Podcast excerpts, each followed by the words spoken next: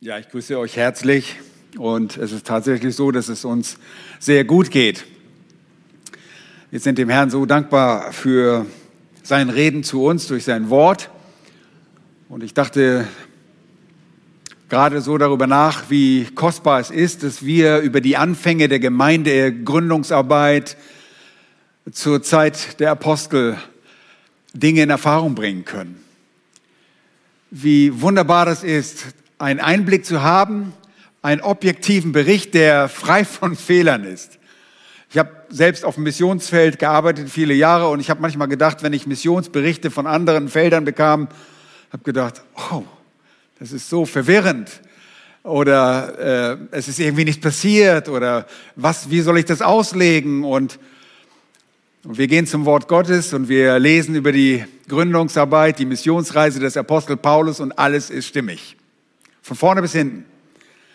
Von dem Bericht des Lukas, der in Apostelgeschichte 17 von den Anfängen der Gemeinde in Thessalonik berichtet, bis hin zur Berichterstattung dieses Missionsteams unter der Leitung von dem Apostel Paulus ist alles stimmig. Und über die Geschwindigkeit dieser Gemeindegründungsarbeit kann man sich besonders freuen. Jeder Gemeindegründer träumt von diesen Zeiten. Dann nach einigen wenigen Monaten verließ der Apostel Paulus mit seinen Begleitern bereits diese Stadt. Nicht ganz freiwillig, aber vom Herrn geführt. Und äh, ja, es gab eine Gemeinde.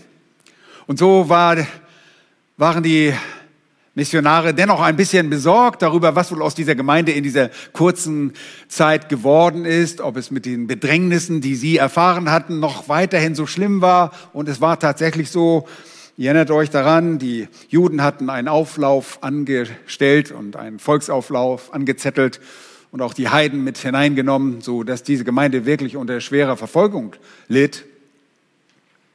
Und das besorgte den Apostel und deshalb sandte er den geliebten Bruder Timotheus zu den Thessalonichern. Und jetzt war er zurückgekommen und jetzt bringt er in seinen Brief die Freudigkeit zum Ausdruck darüber, dass es dieser Gemeinde doch gut geht, dass sie in der Liebe und im Glauben wachsen und dass sie nicht wanken. Ja, und jetzt ist dieses wunderbare erste Kapitel und das zweite Kapitel bis hin zum dritten Kapitel mit Dankbarkeit durchtränkt.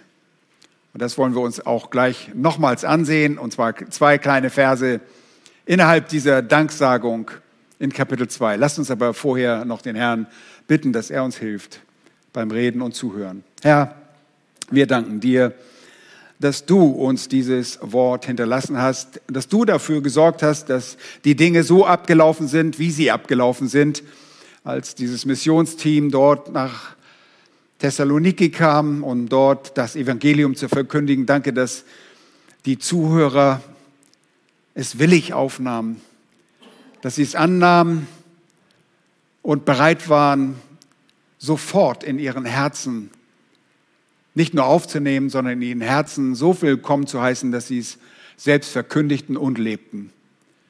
Herr, dieses dein Wort, das dort verkündigt wurde, wurde wirksam unter diesen Geschwistern, so wie es unter uns wirksam sein darf. Danke dafür, dass die Kraft deines Wortes nicht an Wirkung verloren hat. Wir danken dir für diesen Einblick, den wir haben können, wenn wir jetzt diesen Thessalonicher Brief aufschlagen, um davon zu lernen, was du uns sagen willst. Wir bitten, hilf du uns beim Hören, mir beim Reden um deines Namens willen. Amen. Ich lese aus Kapitel 2, die Verse 13 bis 16. Und wir haben letztes Mal 13 und 14 angeschaut, die Danksagung dieser Missionare über die Thessalonicher. Und da heißt es, darum danken wir auch Gott unablässig, dass ihr als das von uns verkündigte Wort Gottes empfangen habt, es nicht als Menschenwort aufgenommen habt, sondern als das, was es in Wahrheit ist, als Gottes Wort, das auch wirksam ist in euch, die ihr gläubig seid. Denn ihr Brüder seid Nachahmer der Gemeinden Gottes geworden, die in Judäa in Christus Jesus sind, weil ihr dasselbe erlitten habt von euren eigenen Volksgenossen, wie sie von den Juden. Jetzt 15 und 16, unser Predigtext für heute Nachmittag. Diese haben auch den Herrn Jesus und ihre eigenen Propheten getötet und haben uns verfolgt. Sie gefallen Gott nicht und stehen allen Menschen feindlich gegenüber, indem sie uns verhindern, hindern wollen, zu den Heiden zu reden, damit diese gerettet werden. Dadurch machen sie alle Zeit das Maß ihrer Sünden voll. Es ist aber der Zorn über sie gekommen bis zum Ende. Ja, bei der Entfaltung dieses Textes habe ich mir überlegt, es einfach so zu betiteln, dass ich sagte, Gott unwohlgefällige Juden und ihr tragisches Gericht oder die Tragödie, ihres Gerichts. In Vers 14 werden also die Juden erwähnt, die also nicht primär etwas mit der Verfolgung der Thessalonicher zu tun haben, aber die Juden verfolgten ihre eigenen Landsleute in den Gemeinden in Judäa. Zu Beginn war sogar Paulus die Ursache dafür. Er hetzte die Gemeinden auf. Und nachdem Paulus zum Glauben kam, heißt es sogar in der Schrift, dass die Gemeinden Judäa eine gewisse Zeit von Frieden hatten. Aber dann ging eine neue Welle der äh, Verfolgung los. Und die Juden hier, die Erwähnung der Juden in Vers 14, nehmen die Missionare in ihrem Brief jetzt als Anlass, heftige Kritik an deren Verfolgungswahn zu üben. Obwohl die Juden primär, also vornehmlich nur als Auslöser für die Verfolgung der Thessalonicher angesehen werden können, die Verfolgung vor allem durch die Heiden angetrieben wurde, so wird in Vers 14 über die Verfolgung der Gemeinden in Judäa berichtet und in Vers 15 und 16 über die Gott-Unwohlgefälligkeit der Juden und die Tragödie des fest beschlossenen Gerichtes über sie. Nun, in Vers 14 heißt es von den Thessalonichern zunächst, wie lobenswert ihr Wandel in Christus war und Paulus beziehungsweise die Schreiber schwenken über zu dem schrecklichen Verhalten der Gott unwohlgefälligen Juden. Ein sehr starker Kontrast. Auf der einen Seite die gläubig gewordenen Thessalonicher mit ihrem vorbildlichen Verhalten, auf der anderen Seite die Gott unwohlgefälligen Juden und die Verfolgung und ihr schreckliches Gericht, die Tragödie des Gerichts. Da heißt es, denn ihr Brüder seid Nachahmer der Gemeinden Gottes geworden. Also die Thessalonicher ahmten die Gemeinden nach, nicht äh, in äh, besonderer Absicht, das zu tun, genauso wie sie, sondern einfach dadurch, dass sie Nachahmer des Herrn und des Paulus waren und der äh, Männer, die dort waren, wurden sie durch einen heiligen Lebensstil verändert und so erlitten sie genauso das Leid, das auch die Gemeinden in Judäa unter ihren eigenen Landsleuten erlitten.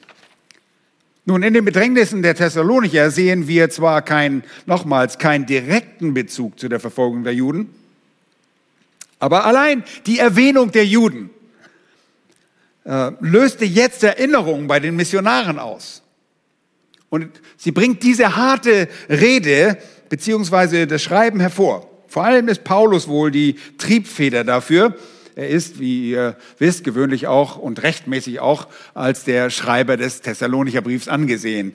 Das ist er auch. Erstens sehen wir hier ihre Feindschaft gegen ihn über ihren Landsleuten. Nun, schon die Magier aus dem Morgenland waren eingeweint darüber, wer der neugeborene Erdenbürger in dem Land war, den sie, denn sie fragten, wo ist der neugeborene König der Juden? Matthäus 2,2, Jesus war Jude und das aus dem Stamm Juda. Und aus diesem Stamm wird schließlich der Name aller Israeliten zurückgeführt. Juden. Später etwas mehr davon. Jesus bestätigt auch die Frage des Pilatus, als dieser fragt, bist du der König der Juden? Matthäus 27, 11. Und genau diese Tatsache wurde dann auch zum Spott genutzt, indem die Kriegsknechte des römischen Statthalters und die geladene Schar bei einer lästerlichen Inszenierung von Jesu Intronisation sagten, sei gegrüßt, König der Juden. Matthäus 27, Vers 29.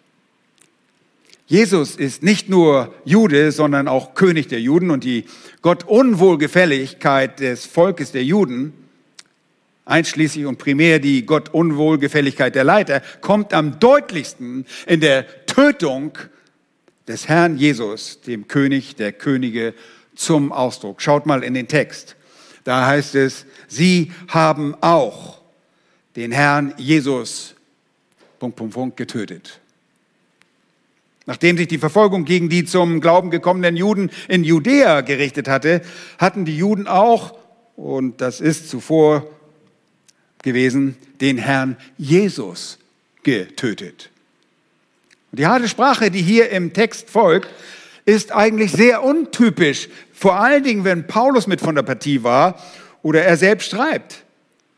Ihr wisst, in seinen anderen Schriften kennen wir auch eine ganz andere Seite von ihm.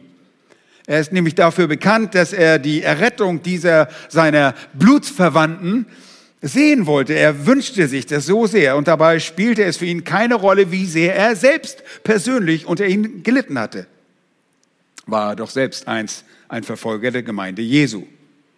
Und daher ist diese Passage scheinbar nicht von Paulus, aber der Schein trügt. Natürlich ist es von Paulus und seinen Begleitern. Was sie jedoch genau diesen plötzlichen Ausbruch dieser heftigen Worte gegen die Juden ausgelöst hat, das können wir nicht genau sagen, aber zumindest informiert vermuten. Wahrscheinlich spielte die Anhäufung der Feindseligkeiten der Juden eine Rolle dabei. Letztlich wissen wir, dass das alles unter der Leitung des Heiligen Geistes geschrieben wurde und dass dieser Brief nicht von Emotionen, sondern von Wahrheit und dem Willen des Geistes bestimmt wurde. Nun, vielleicht können wir ein wenig nachempfinden, was in den Köpfen der Missionare wirklich vor sich ging und vor allem im Kopf des Apostel Paulus. Dazu rufen wir uns nur in Erinnerung, dass Paulus nicht lange nach seiner Bekehrung schon von den Juden aus Damaskus, dort in äh, Kapitel 9 der Apostelgeschichte und dann später auch in Jerusalem, verjagt wurde. Beide Male stand sein Leben ernsthaft unter Bedrohung. Zuvor in äh, Damaskus und dann später in Jerusalem. Und deshalb schickte man ihn auch nach Tarsus seine ihm anvertraute Botschaft durch und von Christus, der ihn selbst beauftragt hat, deshalb ist er Apostel Jesu Christi, wurde fast überall und sofort von den Juden abgelehnt. Und sein Team wurde dann auch auf der ersten Missionsreise auf dem, aus dem pisidischen Antiochia vertrieben. Und die Ablehnung und Feindschaft setzte sich gleichermaßen auch in Iconium fort, wo die Juden die Gemüter gegen Paulus und Barnabas anstachelten auf der ersten Missionsreise und sie schließlich auch dort vertrieben. Und die in Antiochia und Iconium ansässigen Juden reisten ihnen dann sogar bis Lystra nach, um einen Aufstand anzuzetteln, in dessen Folge Paulus gesteinigt wurde und dem Tod, er dem Tod überlassen wurde. Ja, sie dachten, er wäre tot und sie schleiften ihn vor die Stadt. Ihr erinnert euch. Und was macht Paulus? Steht auf und geht wieder in die Stadt. Also sehr beeindruckend. Ja, bei all dem scheute Paulus und sein ganzes Team niemals, den Juden das Evangelium zu bringen. Die jüdische Opposition begegnete den Missionaren, wie ihr dann wisst, auch auf der zweiten Missionsreise und vor allem bei den Thessalonichern. Die Philipper hatten wahrscheinlich nicht sehr viele Juden in der Stadt, deshalb gab es da auch keine Synagoge, wenn ihr euch da erinnern wollt. Aber auch die Heiden erfuhren, äh, durch die Heiden erfuhren die Missionare in Philippi großen Widerstand und wurden heftig verprügelt. Deshalb, wie nochmal in eure Erinnerung gebracht, kommen diese Missionare wahrscheinlich blau und grün geprügelt bei den Thessalonichern an und erfahren dort wiederum äh, Opposition, als sie in die Synagoge gehen. Und dabei blieb Paulus seinen Begleitern bewusst jüdisch. Und er stellte sich auf ihre zeremonialen Geflogenheiten ein. Und er beschnitt sogar den Timotheus um der Juden willen. Und zwar nach dem Apostelkonzil im Jahre 49 und wir sind jetzt im Jahre 50, 51. Trotzdem lässt er Timotheus beschneiden um der Juden willen. Dennoch, es nützte nichts. Letztlich, wie ihr wisst, führte die Unruhestiftung der Juden, die gleichzeitig die heidnische Bevölkerung aufhetzen, zur frühen Weiterreise der Missionare von Thessalonich nach Beröa. Könnt ihr nachlesen, alles in Apostelgeschichte 17. Und wir erinnern uns, dass sie sich nach nur wenigen Monaten Aufenthalt bei den Thessalonichern äh, schon verabschieden mussten. Aber war nach der Abreise aus Thessaloniki, aus Thessalonich und bei, mit ihrem Aufenthalt in Beröa der Widerstand der Juden vorbei? Nein. Erinnert ihr euch? Wir lesen dort Apostelgeschichte 17, 13. Als aber die Juden von Thessalonich erfuhren, dass auch in Beröa das Wort von Paulus verkündigt wurde, kamen sie auch dorthin und stachelten die Volksmenge auf. Stell dir vor, wir predigen irgendwo das Wort und das hören irgendwo andere aus irgendeiner anderen Stadt und die kommen extra angereist und, und äh, zetteln einen Volksauflauf an. Seht ihr, die Juden in Thessalonich verhielten sich wie zuvor die Juden aus Antiochia und Iconium auf der ersten Missionsreise, die nach Lystra ging. Genauso waren die Juden bei den Thessalonichern.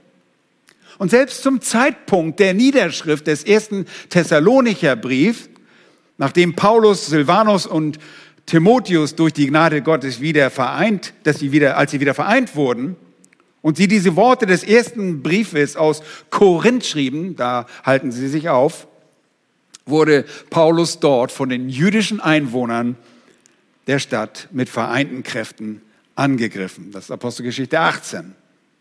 Und ich lese mal auszugsweise aus Apostelgeschichte 18 vor, 5 und 6. Da heißt es, als aber Silas und Timotheus aus Mazedonien ankamen, da ist diese Wiedervereinigung, wurde Paulus durch den Geist gedrängt, den Juden zu bezeugen, dass Jesus der Christus ist. Als sie aber widerstrebten und lästerten, schüttelte er die Kleider aus und sprach zu ihnen, euer Blut sei auf eurem Haupt, ich bin rein davon, von nun an gehe ich zu den Heiden. Das war ein großes Statement im Dienst des Apostels und er wendete sich fortan den heidnischen, äh, der heidnischen Bevölkerung Korinths zu.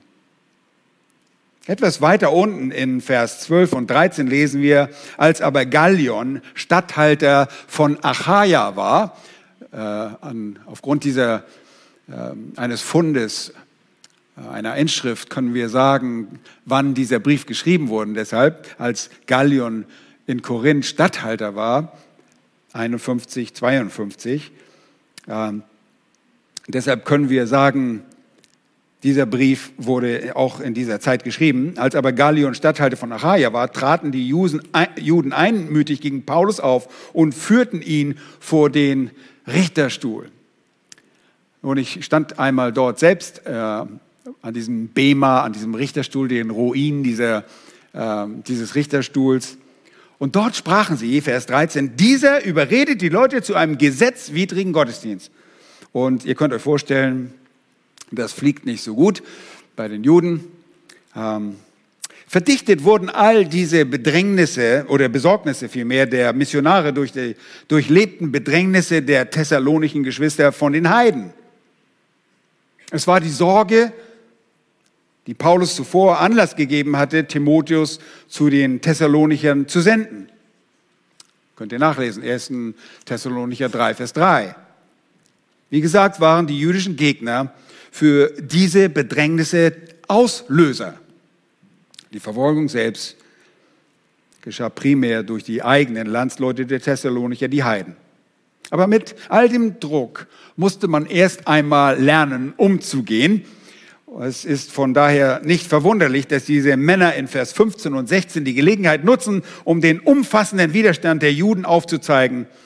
Und sie beginnen dabei mit dem Herrn Jesus Christus, den sie töteten. Ihr Handeln ist der hässliche Höhepunkt in ihrer vorantreibenden Beteiligung am Tod des Herrn Jesus. Und deshalb setzen hier die Missionare oder Paulus die, äh, dieses Verbrechen am Herrn auch an die erste Stelle ihrer Vergehen. Sie töteten den Herrn und sie töteten damit den Sohn Gottes. Und sie suchten Gott zu töten in der Person Jesu. Nun, Gott kann man nicht töten, das ist schon mal deutlich, aber Jesus kam, um zu sterben.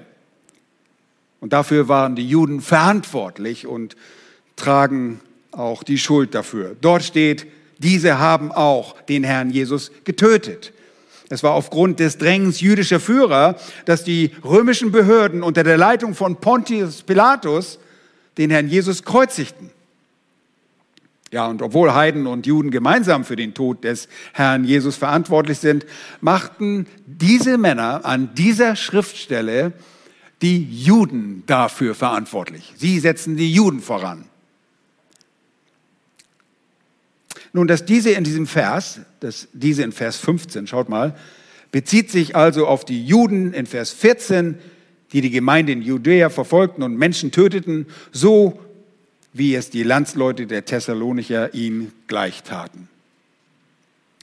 Nun, wundert euch aber nicht, wenn es manchmal in der Schrift an anderen Schriftstellen die Heiden an erster Stelle der Opposition stehen und auch genannt werden. Apostelgeschichte 4 zum Beispiel lesen wir in Vers 27, ja, wahrhaftig, gegen deinen heiligen Knecht Jesus, den du gesalbt hast, haben sich Herodes und Pontius Pilatus versammelt, zusammen mit den Heiden und dem Volk Israel.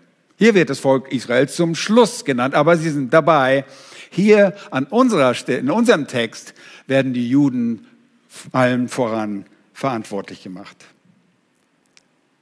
In der Apostelgeschichte stehen zwei heidnische Namen, Herodes mit idumäischer Herkunft und der Statthalter Pontius Pilatus mit seinem römischen Stadtrecht, mit seinem Bürgerrecht. Aber das Volk Gottes wird hier auch erwähnt. Wie schwerwiegend dieses Unrecht der Juden war, das musste ich mir auch sagen lassen. Den Sprachkundigen der griechischen Sprache wird das deutlich. Der Grundtext zeigt auf, der Herr wird von dem menschlichen Namen Jesus durch das Verb getötet. Die werden voneinander getrennt. Lass mich das erklären. Wörtlich steht dort im Akkusativ, den Herrn getötet Jesus. Interessant, oder? Diese Trennung vollzogen die Juden aber nicht nur auf dem Papier, also wie hier der Schreiber bewusst das gemacht hat, sondern tatsächlich, sie sahen in Jesus lediglich einen Menschen mit dem Namen Jesus. Sie sahen in ihm nicht den erhabenen Herrn der Herrlichkeit. Sie sahen nicht in ihm das fleischgewordene Wort. Sie sahen nicht den Sohn Gottes, nicht den verheißenen Messias. Nun, sie erkannten wohl den Erben des Weinbergbesitzers, wollten diesen aber nicht dulden. Worauf spiele ich an? Nun auf ein Gleichnis. Ich komme gleich noch drauf. Und so wurde dieses abscheuliche Verbrechen gegen Jesus allen Abscheulichkeiten und un, Gott unwohlgefälligen vorausgesetzt. Es ist das größte aller Verbrechen. Obwohl wir erkennen sollen, dass das zweite Vergehen hier in diesem Text dem ersten im Range gleichbedeutend ist. Und lass mich das euch erklären. Dort erkennen wir, dass die Juden ihre eigenen Propheten getötet haben. Zweitens, weiß ich schon, ihr seid schneller als ich. Sie haben die eigenen Propheten getötet. Sie haben Jesus und ihre eigenen Propheten. Die, ihre eigenen ist in diesem Text wohl, kann man wohl implizieren, aber tatsächlich sind diese Worte in den besseren Handschriften nicht zu finden. Ja, wenn ihr eine Elberfelder habt, dann sagt ihr, oh, das steht bei mir wahrscheinlich gar nicht drin, ja. Aber hier wird es impliziert, das sind die Propheten, die in Israel gewirkt haben und von Israel ausgesandt wurden. Nun, auch wenn die Vorgehensweise dieses Schreibens etwas antiklimaktisch ist, das heißt, es scheint also ein, ein gewisses Zurückgehen ist. Erst kommt dieses ganz Wichtige, wird Jesus getötet und jetzt kommen die Propheten und wir gehen auch in der Chronologie rückwärts. Also die Propheten kommen ja, die alttestamentlichen Propheten kommen zumindest vor Jesus. So möchte, möchten die Schreiber trotzdem zeigen, dass die Opposition und die wohl Gott, Gottes äh, Unwohlgefälligkeit gegen Gott auch in den Propheten zum Ausdruck kommt. Wir müssen bedenken, dass Propheten, die getötet wurden, Sprecher Gottes waren. Die gehörten ihm. Deshalb richtete sich die Feindschaft der Juden im Laufe ihrer Geschichte gar nicht in erster Linie gegen die Sprachrohre, die Propheten selbst, sondern gegen den Auftraggeber, gegen Gott. Er hatte diese Männer beauftragt, dass sie in seinem Namen sprechen sollten. Nun, vor nicht allzu langer Zeit haben wir hier das Markus-Evangelium uns angeschaut und die Gleichniserzählung Jesu vom Besitzer des Weinbergs betrachtet. Und der Besitzer dort ist Gott und zu Beginn von Kapitel 12 wurden seine Sklaven zu dessen Weingärtnern, zu den Juden gesandt. Das dürfte euch noch in Erinnerung sein. Die Sklaven repräsentieren dabei die Propheten. Das sind die Propheten Gottes. Anfänglich wurden sie verfolgt, aber letztlich fast immer getötet. Wir lesen dort in Markus 12 und Vers 5 nach wiederholter Sendung eines Sklaven. Und er, das ist der Weinbergbesitzer Gott, sandte wiederum einen anderen, den töteten sie und noch viele andere. Die einen schlugen sie, die anderen töteten sie. Nun, die Behandlung der Sklaven, ihr Lieben, war eine schwere Beleidigung des Besitzers dieser Sklaven. Und die Misshandlung und die Tötung waren letztlich eine Affront gegen Gott. Und genau auf diese Art und Weise handelten die Juden im Laufe ihrer alttestamentlichen Geschichte, indem sie die Propheten und dann eben auch gleich den Herrn Jesus Christus töteten. Und Jesus sagte selbst einmal, Jerusalem, Jerusalem, die du die Propheten tötest und steinigst, die zu dir gesandt sind. Wie oft habe ich deine Kinder sammeln wollen, wie eine Henne ihre Küken und er ihre Flügel, aber ihr habt nicht gewollt. Lukas 13, Vers 34. Nun, in dem Gleichnis im Markus-Evangelium fragt Jesus die Juden nach den Konsequenzen dieser Misshandlung und gibt selbst die folgerichtige Antwort. Er fragt Vers 9, was wird nun der Herr des Weinbergs tun? Was wird Gott tun? Er wird kommen und die Weingärtner umbringen und den Weinberg anderen geben. Und genau das tat Gott. Er brachte zwar nicht ein allvernichtendes Gericht über die Menschen, wie zur Zeit der Sinnflut, aber die Juden erlebten in 70 nach Christus ein schweres, schweres Gericht durch die Römer. Und er gab die Verwalterschaft neuen Besitzern, neuen Verwaltern. Er gab sie anderen. Und diese anderen sind die Gläubigen der Gemeinde Jesu. Sie wurden die neuen Verwalter und man höre und staune, sofort wurden diese in gleicher Weise wie zuvor die Propheten verfolgt. So wie zuvor die alttestamentlichen Propheten und der Herr der Gemeinde selbst, so die neuen Verwalter und deshalb kommen wir drittens zu dem Text, sie haben die Apostel und ihre Begleiter verfolgt. Da heißt es, und haben uns verfolgt. Nicht nur die Gemeinde in Judäa und Gemeinden anderorts wurden verfolgt, sondern vor allem die Vorposten, die Gesandten des Herrn Jesus, Apostel, und neutestamentliche Propheten wurden nach dem Tod und der Auferstehung des Herrn Jesus zum Hauptziel aller Verfolgung. Die Juden versuchten das Werk Gottes bereits im Keim zu ersticken. Und zu dem Zeitpunkt der Niederschrift des Thessalonicher Briefes, ich sagte ja 50, 51, war meines Wissens von den Aposteln nur Jakobus, der Bruder des Johannes, durch Herodes Agrippa I. mit dem Schwert getötet worden. Aber dabei versprach sich der Enkel von Herodes dem Großen, das ist Agrippa I., die Gunst der Juden durch die Verfolgung der Gemeinde Jesu. Die anderen Apostel waren alle noch im Dienst tätig. Deshalb konnte er nicht sagen, und die Apostel hat er auch getötet, sondern sie wurden verfolgt.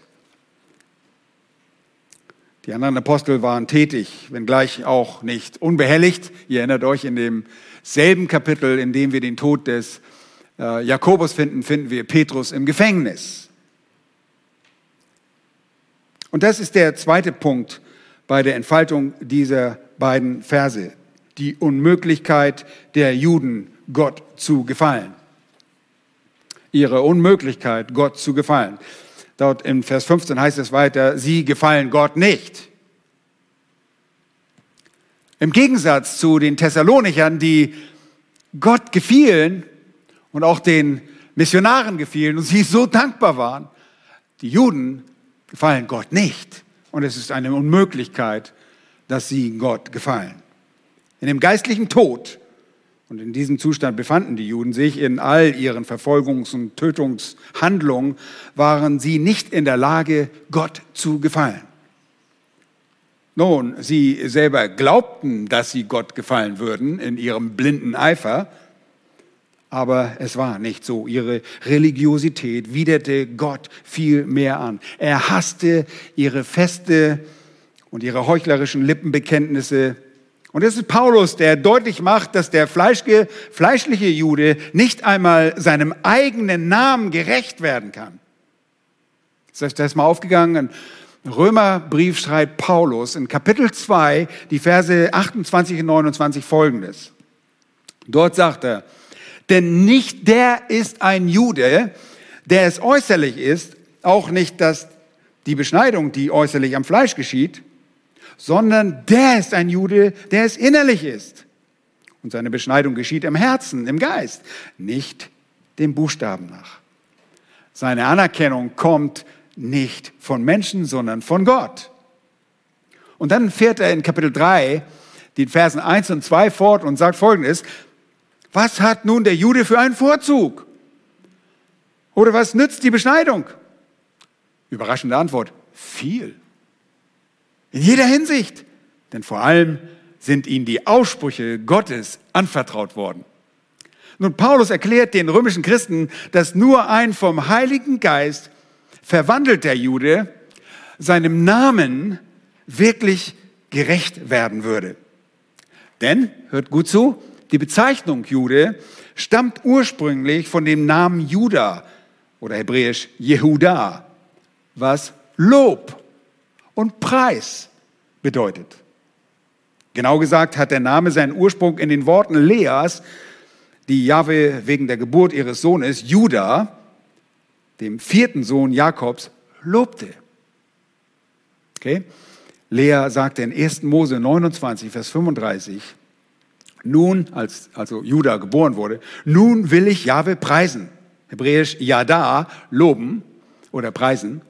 Darum gab sie ihm den Namen Judah. Und diesen Namen kann ein fleischlicher Jude nicht gerecht werden. Der Jude hätte in den Augen Gottes auch lobenswert sein können und erfüllen können, was das Gesetz verlangt, wenn er sein Vertrauen im Glauben auf den Messias gesetzt hätte, der für uns das Gesetz erfüllt hat. Nun, Paulus schrieb als Gläubige äh, als Gläubiger in Römer 8, Vers 2 und bis 4.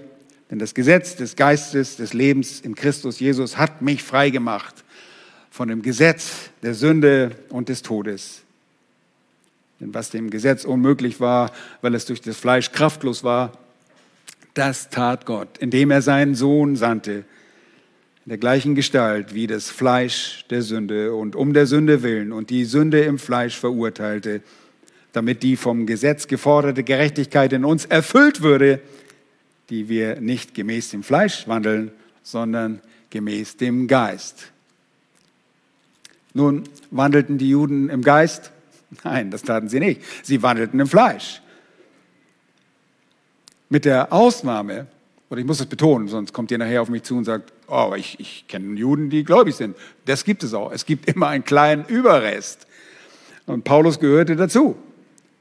Die Juden blieben im Fleisch. Sie wurden ausschließlich aus dem Fleisch geboren deshalb konnten sie auch nicht Erben des Reiches Gottes sein. Erinnert ihr euch an die Worte Jesu in der Nacht, als Jesus mit Nikodemus sprach, diesem jüdischen Lehrer, da sagte er, wahrlich, wahrlich, ich sage dir, wenn jemand nicht aus Wasser und Geist geboren wird, so kann er nicht in das Reich Gottes eingehen. Was aus Fleisch geboren ist, ist Fleisch. Was aus dem Geist geboren ist, das ist Geist. Johannes 3, Verse 5 und 6. Diese Juden waren nicht wiedergeboren. Sie hatten kein neues Leben. Nicht von oben geboren, nicht von Gott geboren und somit nicht aus dem Geist geboren. Und deshalb zieht Paulus auch im Römerbrief in Kapitel 8 das klare Fazit. Und er sagt ganz deutlich, Römer 8, Vers 8, und die im Fleisch sind, können Gott nicht gefallen. Der Text sagt, sie gefallen Gott nicht. Sie können ihm nicht gefallen. Egal, was der Jude ohne den Glauben an den Messias Jeshua sein oder tun sollte. Sie konnten Gott nicht gefallen. Und obwohl das Heil von den Juden kommt, und zwar allein durch die zweite Person der Gottheit, dem Sohn Gottes, konnten sie dieses Heil nicht finden. Und wir verstehen unmissverständlich aus den Worten des Petrus, und es gibt keinen anderen Namen, keinen anderen das Heil, denn es ist kein anderer Name unter dem Himmel den Menschen gegeben, in dem wir gerettet werden sollen.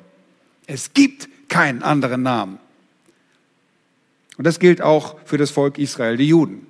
Sie müssen durch Jesus gerettet werden. Die Feindschaft und Gott Unwohlgefälligkeit der Juden drückte sich also in der Feindschaft und Gott Unwohlgefälligkeit aus, aber auch in einem dritten Punkt, und zwar in ihrer Opposition gegenüber allen anderen Menschen. Drittens, genau, ihre Opposition gegenüber allen übrigen Menschen. Lies mal mit mir das Ende von Vers 15 und beginnen Vers 16. Da heißt es, und das immer noch von den Juden schreibend, sagt er, und stehen allen Menschen feindlich gegenüber, indem sie uns hindern wollen, zu den Heiden zu reden, damit diese gerettet werden. Seht ihr, das ist gar nicht so schwierig zu begreifen wie eine privilegierte, privilegierte Volksgruppe, die von Gott zu besonderen Vorrichten berufen wurde, nämlich das Vertrautsein mit dessen Ratschluss, wie diese Juden anderen Menschen feindselig und Opposition in Opposition gegenüberstehen können. Sie waren vertraut mit allem und dennoch konnten sie den anderen feindselig gegenüberstehen. Sie waren nicht nur den Gläubigen gegenüber feindlich gesinnt, sondern deren Herrn und Retter, sowie allen Verkündigern Gottes nach und vor dem Kommen Jesu. Und dazu waren und sind sie noch immer allen anderen übrigen Menschen gegenüber feindlich gesinnt. Und du denkst, ha, zunächst denkt man, wie sind sie denn feindlich gesinnt? Nun, das ist auf diese indirekte Art und Weise. Sie verhindern einfach, dass andere Menschen von dem hören, was Gott redet. Den neuen Verwaltern der Geheimnisse Gottes stellen die Juden ein Bein. Sie wollen ihnen ein Bein in der Verkündigung, in der Evangeliumsverkündigung stellen. Sie behindern die Verkündiger des Evangeliums. Sie wollen sie stoppen und diese Verkündigung des Evangeliums zum Erliegen bringen, damit Menschen nicht gerettet werden. Alle Menschen.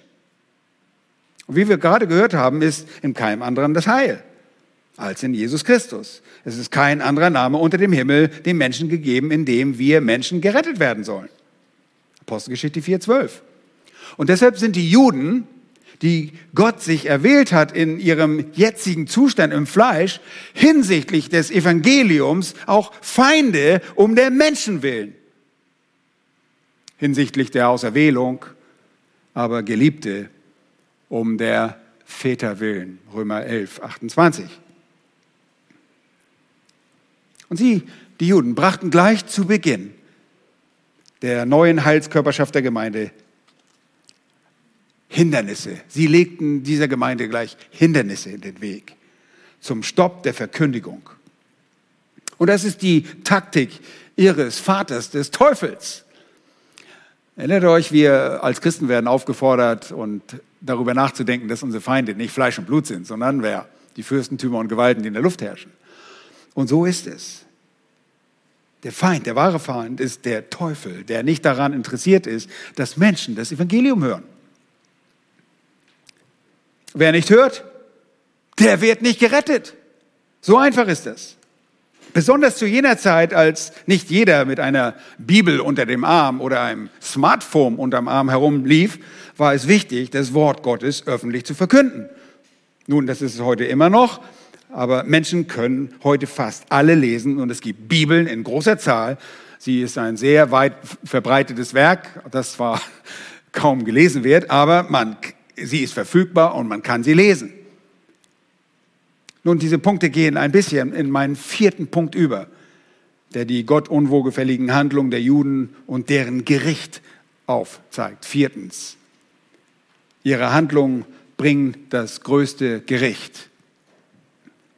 In der zweiten Hälfte in Vers 16 heißt es, dadurch machen sie alle Zeit das Maß ihrer Sünden voll. Es ist aber der Zorn über sie gekommen bis zum Ende. Und das ist wirklich, man kann das nicht anders sagen, eine Tragödie. Denn der Vorzug der Juden war, dass diesem Volk die Worte Gottes exklusiv, wisst ihr, wenn etwas exklusiv ist, dann sind alle anderen ausgeschlossen. Die Juden, denen wurde exklusiv das Wort Gottes anvertraut. Und das haben wir in Römer 2 gerade gelesen.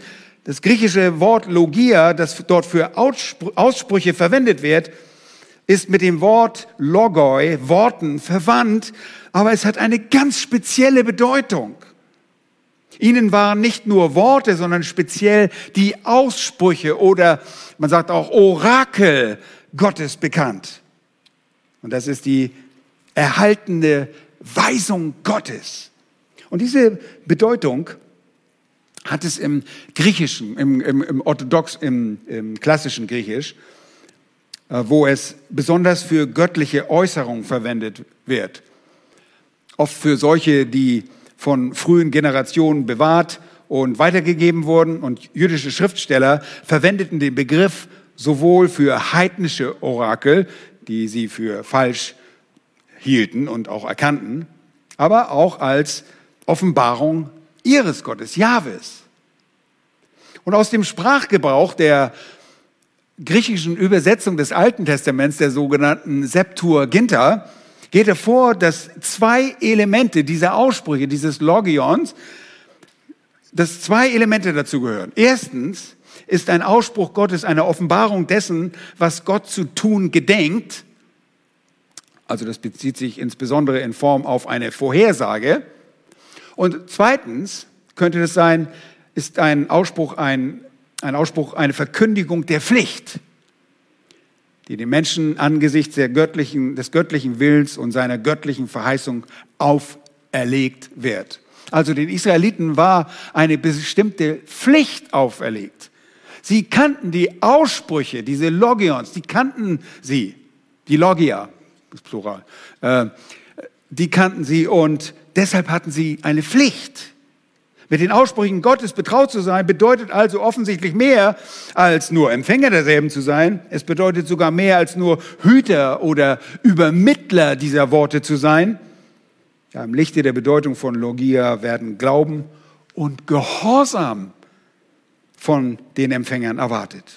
wir haben uns am Mittwoch kurz mit dem roten Faden beschäftigt und daran erinnert, wie böse dieses Volk Israel war, die Juden obwohl sie die Vorzüge, einer privilegierten Berufung als Volk des Eigentums besaßen und das Gesetz Gottes sowie die Bündnisse hatten. Das ist ein Wahnsinnsvorrecht. Aber sie kamen nicht im Glauben und sie kamen nicht im Gehorsam und sie liebten Jahwe Gott nicht. Und die ganze Offenbarung macht die Situation für die Juden im Gericht so viel schlimmer. Ihnen ist viel gegeben worden, deshalb wird von ihnen viel verlangt. Sie hatten Kenntnis von Gott. Und ihnen wurde der Wille und das Wesen Gottes durch das Gesetz geoffenbart. Und obwohl sie Gott kannten und ihn in seiner Allmacht erlebt hatten, liebten sie ihren Gott nicht. Jahwe, Gott wurde stattdessen verschmäht. Und das Volk betrieb geistliche Prostitution im Götzendienst und im Vertrauen auf andere Völker, indem sie Bündnisse mit anderen Völkern, Ägypten und Assyrien schlossen. Und die Juden wehrten sich gegen die Botschaft des Christus und dessen Erlösungswerk. Die Apostelgeschichte berichtet davon. Und aufgrund der aufgenommenen Heidenmission des Paulus wurde noch mehr Empörung hervorgerufen. Warum wohl? Weil eine Zuwendung an die Heiden für sie bedeutete, dass Gott Israel verlassen hatte. Und das, ihr Lieben, ist ein klares Zeichen des Gerichts. Die Juden suchten, wie gerade gesagt, die Evangelium des, die Verkündigung des Evangeliums zur Errettung der Heiden einfach zu verhindern. Und sie erkannten, dass das Gericht ist. Nun, dadurch heißt es, machen sie alle Zeit das Maß ihrer Sünden voll. Es ist aber der Zorn über sie gekommen bis zum Ende. Dadurch und durch alles Vorhergesagte machen sie alle Zeit das Maß ihrer Sünden voll. Sie häufen ihre Sünden immer bis zum Äußersten an, kann man auch übersetzen. Und das spricht von der klaren Abgrenzung oder Begrenzung, sollte ich sagen, eines Sündenlimits. Es gibt ein bestimmtes Limit von Sünden und wenn das voll ist, dann folgt das Gericht. Und die Israeliten kannten das bereits von anderen Völkern aus dem Alten Testament. So sprach Jahwe Gott in 1. Mose 15, Vers 13 zum Beispiel äh, mit folgenden Worten zu Abraham. Äh, dort bei der Bündnisschließung sagt er, du sollst mit Gewissheit wissen, Abraham, da heißt er noch Abraham, äh, dass dein Same ein Fremdling sein wird in einem Land, das ihm nicht gehört. Man wird sie dort zu Knechten machen und demütigen 400 Jahre lang aber auch das Volk, dem sie dienen müssen, will ich richten. Und danach sollen sie mit großer Habe ausziehen. Und du sollst in Frieden zu deinen Vätern eingehen und in gutem Alter begraben werden. Vers 16 heißt es dort, sie aber, Abrahams Nachkommen, die Juden, sollen in der vierten Generation wieder hierher kommen, denn das Maß der Sünden der Amoriter ist noch nicht voll. Seht ihr, die Verzögerung bei der Landeinnahme Kanaans hatte einen gewichtigen Grund. Bevor das Land diese gottlosen äh, Bewohner der Kanaaniter ausspeien sollte, musste das Maß ihrer Sünde voll sein. Hier werden die zahlreichen Amoriter stellvertretend für alle Kanaaniter erwähnt, die durch die Israeliten erst dann vollständig ausgerottet werden sollten, nachdem das Maß der Sünde voll war. Jahwe wartete auf das volle Maß ihrer Sünden. Dann erst sollte die Abrechnung folgen. Nun, die Juden, sie hatten und haben das Maß ihrer Sünde erreicht. Es ist voll. Und dabei spielt die bewusste Tötung des Herrn Jesus und alle vorausgegangenen Bosheiten gegenüber den Propheten eine gewichtige Rolle. Sie hatten bei voller Evidenz über das Auftreten des Messias, der durch die Propheten angekündigt wurde, sie hatten beim Auftreten des Messias, und wir haben uns da lange drüber unterhalten, im Markus-Evangelium, bei voller Evidenz, dass Jesus wirklich der Messias ist, haben sie dem Erlöser die Werke Satans, Belials, zugeschrieben. Und das war, wie ihr euch erinnert, die Sünde wieder den Heiligen Geist. Sie konnten nicht mehr bekommen als das. Sie lästerten im vollen Wissen, dass Jesus von Gott kam. Sie wussten, sie musste, er musste von Gott gekommen sein, denn niemand konnte solche Werke tun, die er tat. Und das Maß war voll. Das Fass war gewissermaßen am Überlaufen. Statt Umkehr kennzeichnet sie seither religiöse Heuchelei. Und Jesus kündigt an, wehe euch, dass ihr die Grabmäler der Propheten baut Eure Väter haben sie getötet. Und so bestätigt ihr also die Taten eurer Väter und habt Wohlgefallen daran, denn jene haben sie getötet und ihr aber baut Grabmäler. Darum hat auch die Weisheit Gottes gesprochen, ich will Propheten und Apostel zu ihnen senden und sie werden etliche von ihnen töten und verfolgen, damit von diesem Geschlecht das Blut aller Propheten gefordert werde, das seit Grundlegung der Welt vergossen worden ist, vom Blut Abels an bis zum Blut des Zacharias, der zwischen dem Altar und dem Tempel umkam. Ja, ich sage euch, es wird gefordert werden von diesem Geschlecht. Lukas 11, Verse 47 bis 51. In unserem Text heißt es aber weiter, es ist der Zorn über sie gekommen bis zum Ende. Und die beste Erklärung für diese Zeitform, im Griechischen eine auristische Zeitform ist des, des Verbs, ist, dass es besagt, es etwas Abgeschlossenes, aber dass etwas geschehen ist, es ist gekommen, als wäre es schon wirklich da, so sicher ist dieser Zorn in der Zukunft. Ja, ähm, die beste Erklärung ist, dass der Zorn bereits gekommen ist. Und das ist vermutlich die Tatsache, dass der Zorn so sicher ist, als wäre er schon da. Paulus braucht es auch in anderer Hinsicht auf die Herrlichkeit und auf die Verherrlichung, dass er manchmal so spricht, als wären wir schon verherrlicht. Und wir denken, oh, wir sind noch nicht verherrlicht. Damit will er nur betonen, so sicher ist die Verherrlichung, als wäre sie schon geschehen. Und so ist es hier auch. Nun, in 70 nach Christus und durch andere irdische Gerichte wurde zwar ein Teil des Zornes Gottes deutlich und es war ein heftiges Gericht. Und wir wissen um das heftige Gericht der Juden durch die Zeitgeschichte dieser Welt. Überall werden Juden verfolgt. Und es ist nur eine Konsequenz dessen, was Gott gesagt hat im fünften Buch Mose und angekündigt hat, dass sie verfolgt werden würden und zerstreut werden würden. Aber es folgt noch ein erheblicher, größerer, ein, ein eskatologischer Zorn, den die Juden im vollen Umfang erfahren werden. Ein Zorn, der so feststeht, als wäre er schon gekommen. Ein Zorn, der bis zum Äußersten ausgegossen wird in der Drangsal Jakobs, in einer Zeit, die unvergleichbares Elend und Leid über das Bundesvolk Gottes bringen wird. Und ihr Lieben, selbst den Holocaust verblassen lässt. Der Prophet Daniel schrieb mit Bezug auf diese am Ende der Zeit stattfindende Trübsal. Und er sagt in Daniel 12, Vers 1, zu jener Zeit wird sich der große Fürst Michael erheben, der für die Kinder deines Volkes einsteht.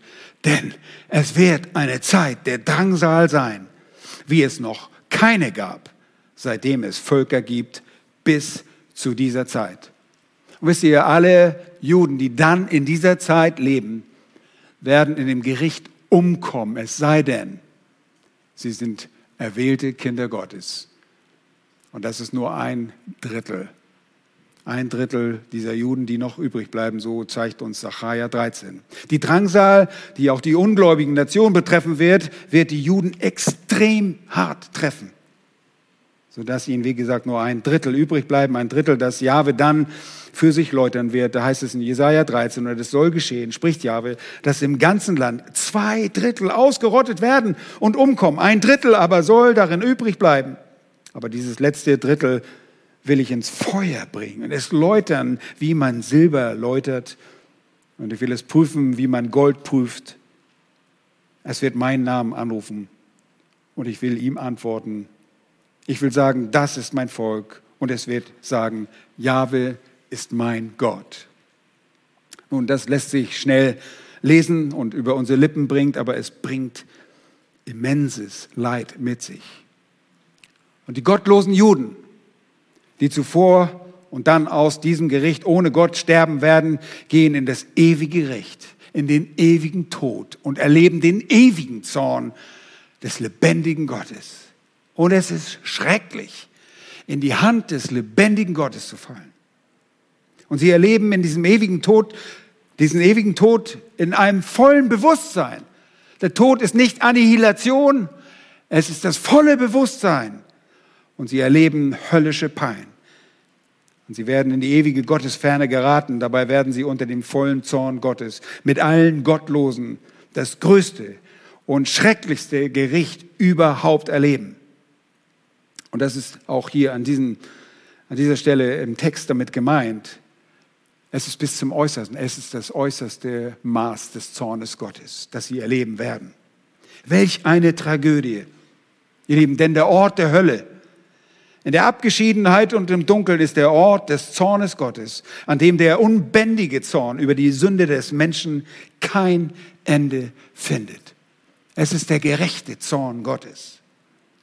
Dort im Feuersee tritt der Gottlose in die Leidens- und Zornesgemeinschaft der gefallenen Engel und des Satans.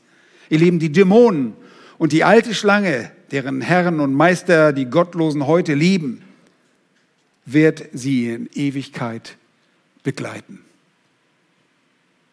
Ihr Lieben, und das gilt für alle gottlosen Menschen, nicht nur für die Juden. Und wenn du Gott nicht kennst, dann stehst du in dieser dringlichen Gefahr, stehst du in dieser dringlichen Notwendigkeit, dich zu reinigen vor Gott, auf die Knie zu fallen und umzukehren, ihn um Erbarmen bitten. Und das ist nicht, oh, das werde ich irgendwann mal tun, das ist nicht deine Entscheidung, wirklich.